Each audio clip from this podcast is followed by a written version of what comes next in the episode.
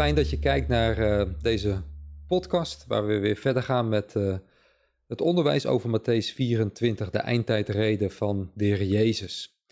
Um, in deze podcast gaan we met elkaar in op de grote verdrukking, zoals we die uh, vinden in vers 21 van Matthäus 24. Daar lezen we, want dan zal er een grote verdrukking zijn, zoals er niet geweest is vanaf het begin van de wereld tot nu toe en zoals er ook nooit meer zijn zal. En uh, David, we gaan uh, ja, daarop uh, verder. Um, heel even snel samenvatten. We hebben gezien die gruwel van de verwoesting. Het is een afgodsbeeld. Openbaring 13 spreekt daar ook over. Het is profetisch. Um, we hebben gezien dat uh, als ze die um, gruwel van die verwoesting zien, moeten ze vluchten, vluchten naar de bergen. We hebben in de vorige podcast daarbij stilgestaan van ja, hoe moeten we dat nou zien? Hè? Die vlucht naar de bergen hebben we stilgestaan, onder andere ook bij openbaring 12. Um, een deel van het Joodse volk zal daar gehoor aan geven. Uh, zij zullen vluchten naar de bergen. Ze zullen um, ja, in de woestijn komen. De Heere zal hen daar in veiligheid brengen, net zoals hij deed ook uh, uh, bij de Exodus, uh, hè, waar het volk ook verzameld is in de woestijn. Um, en dan komt de focus eigenlijk weer opnieuw te liggen op Jeruzalem. Um, die grote verdrukking. Um, ja, hoe, hoe, breed moeten we dat nou zien? Hoe moeten we dat nou lezen? hier in Matthäus 24 wordt heel duidelijk gesproken over Judea. Um, we hebben gezien, ja, het epicentrum is Israël. Um, ja, gaat het alleen over Israël of is dat een verdrukking wat wereldwijd is? Um, hoe, moeten we dat zien? Hoe, hoe, denk jij daarover? Ja, nou, ik denk dat we de eerste aanwijzing in de woorden van de Heer Jezus zelf vinden. We hadden gezien, hij zegt vlucht, want dan zal die grote verdrukking er komen. Dus blijkbaar is het in ieder geval mogelijk om in zekere mate daarvoor te vluchten.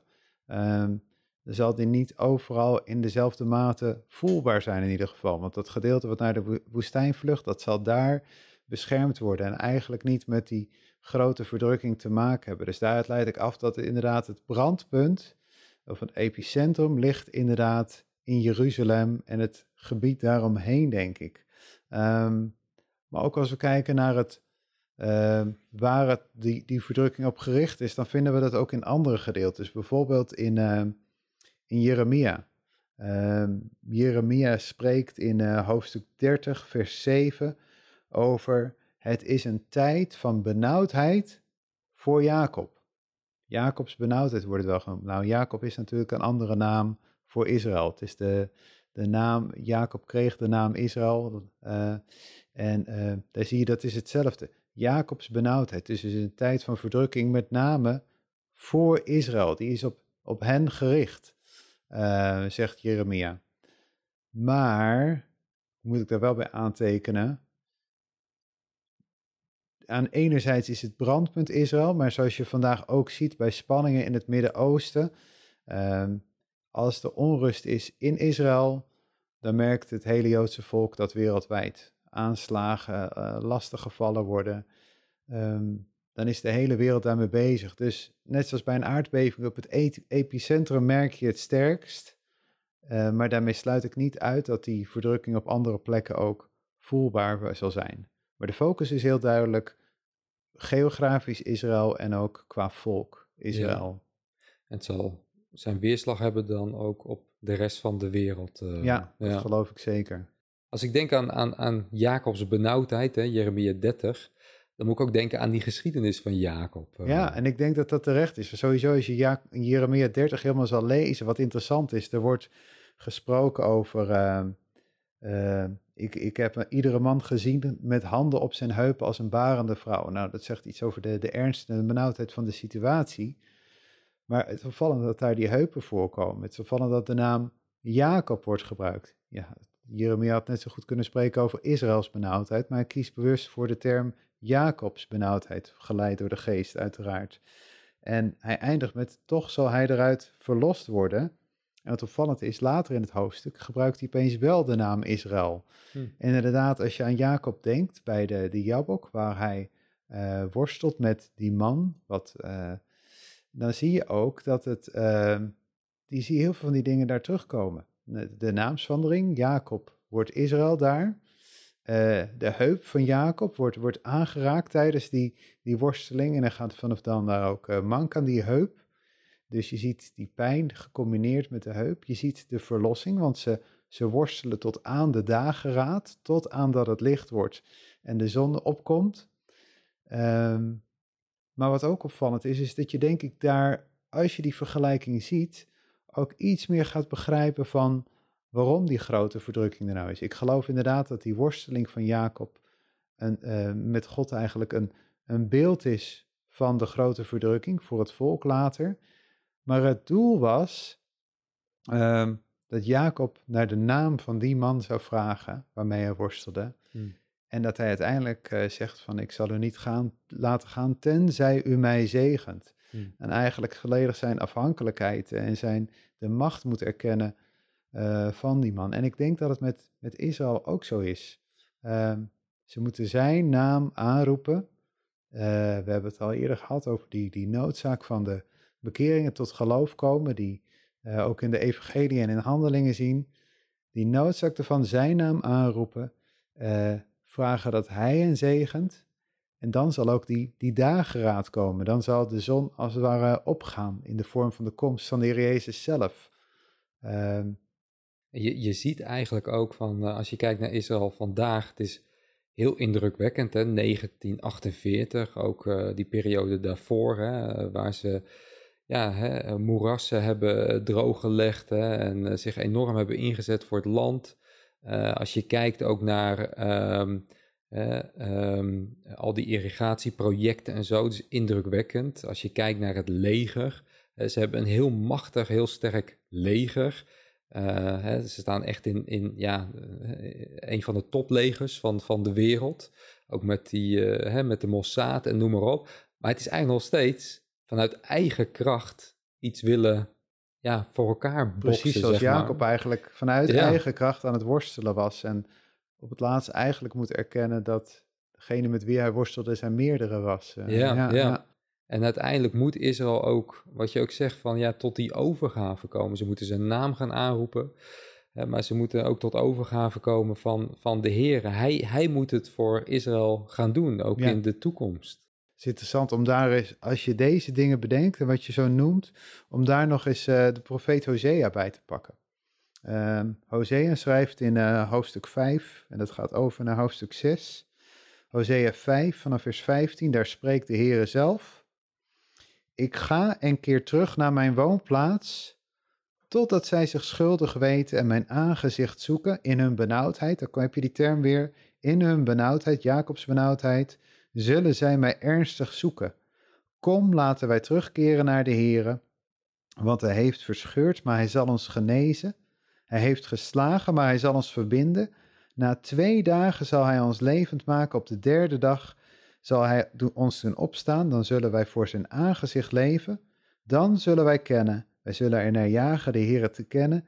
Zijn verschijning staat vast als de dageraad. Dus hier opnieuw die dageraad die we ook bij, bij Jacob zagen. En die benauwdheid die we in Jeremia zagen.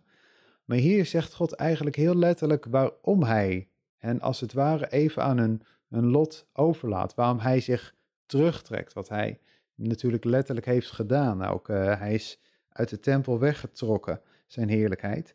Maar totdat zij zich schuldig weten en mijn aangezicht zoeken.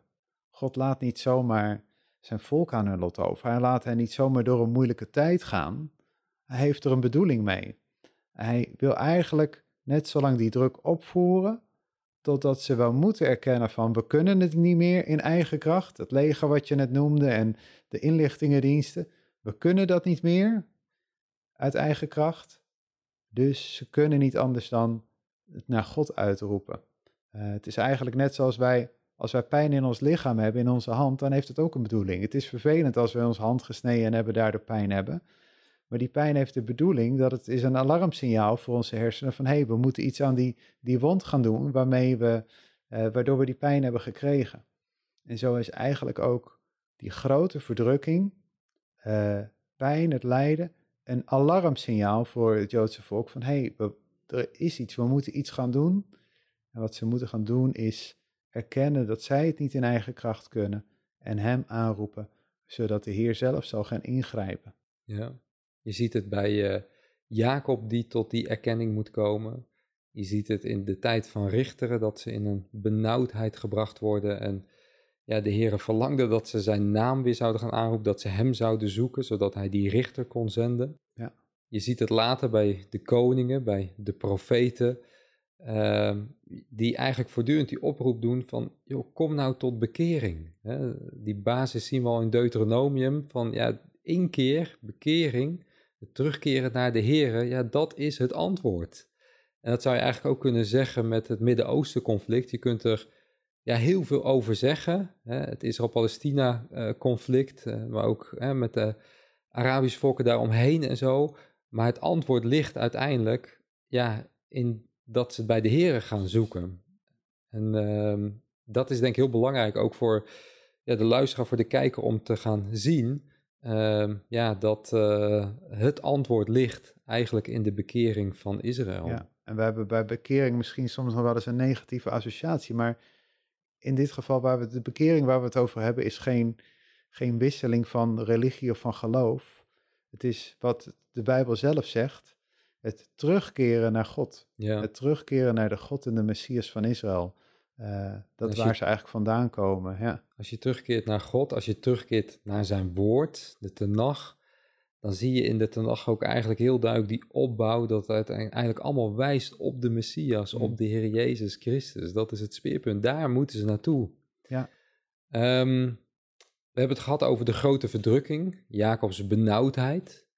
Uh, ik vond het wel mooi in uh, uh, wat jij net zei ook over Jeremia 30, van je ziet dat beeld eigenlijk ook weer uh, van hè, een barende vrouw. Ja. Dat zie je eigenlijk ook weer in Matthäus 24, die weeën die steeds uh, ja, heviger worden en toewerken naar dat kind met een hoofdletter, de Heer Jezus Christus.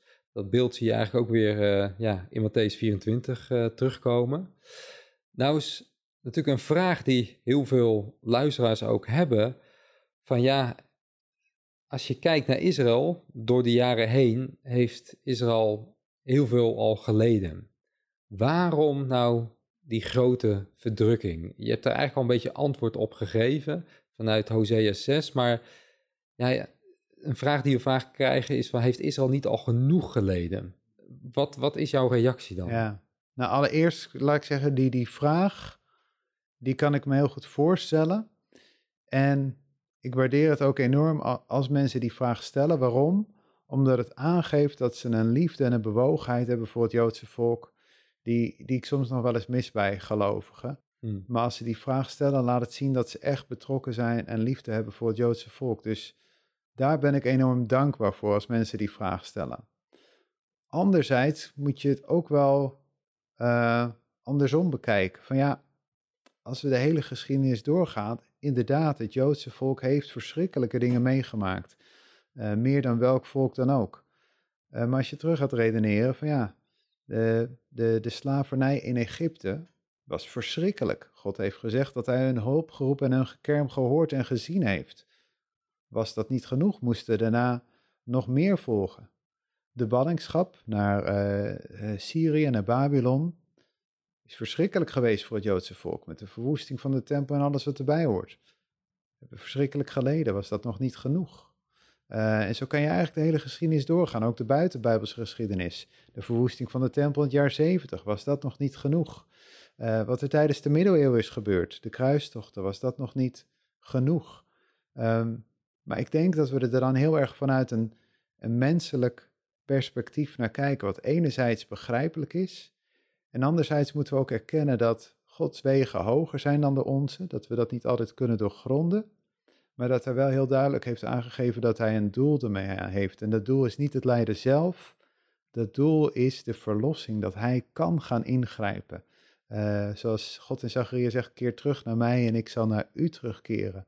Dat is wat God zo graag wil, wat we al zagen in Matthäus 23. Die Jezus had zo graag verlangd dat hij hen zou verzamelen als zoals een hen haar kuikens verzamelt. Dus er is niets liever wat God wil, maar daarvoor moeten ze wel hun vertrouwen op Hem stellen. En blijkbaar is dit ervoor nodig. Is het Joodse volk dit nodig? Maar we moeten natuurlijk van de mensheid in het algemeen erkennen dat we hardleers zijn, harde harten hebben. En zo vaak op onze neus moeten gaan om te erkennen dat we God nodig hebben. En dat is ook waar die grote verdrukking voor bedoeld is. God heeft er een bedoeling mee, een hele liefdevolle bedoeling. Hij wil dat ze terugkeren bij Hem. Precies, ja. ja. En dat geldt voor Israël. Hè? Uh, dat verlangen dat ze ja, bij hun Messias, de Jezus Christus, uitkomen. Maar dat geldt eigenlijk ook voor ons. De Heer wil eigenlijk niet liever dan ja, dat we ja, heel dicht bij de Heer leven. En uh, ja, dat is ook zijn verlangen hè, voor uh, heel de wereld. Hè, dat ze de Jezus Christus leren kennen. En uh, ja, ik moet ook denken aan um, dat schilderij van, van Jip Wijngaarden. In al hun lijden leed ook hij.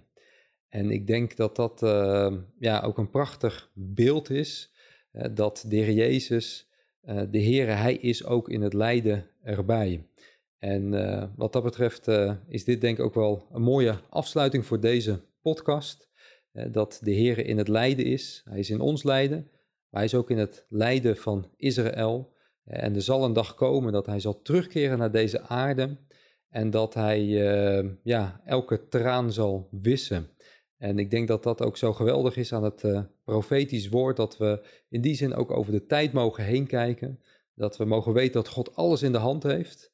En dat hij uh, ja, een plan heeft, wat hij uh, ja, dwars door alle gebrokenheid heen ook uh, volvoert. en dat er een moment zal komen dat er werkelijk recht en gerechtigheid gaat komen op deze aarde en dat de Heer gaat ingrijpen. Nou, ik hoop dat je van deze podcast ook weer het een en ander geleerd hebt. dankjewel voor het kijken en dankjewel voor het luisteren. En we hopen je in de volgende podcast dan weer te zien. Shalom.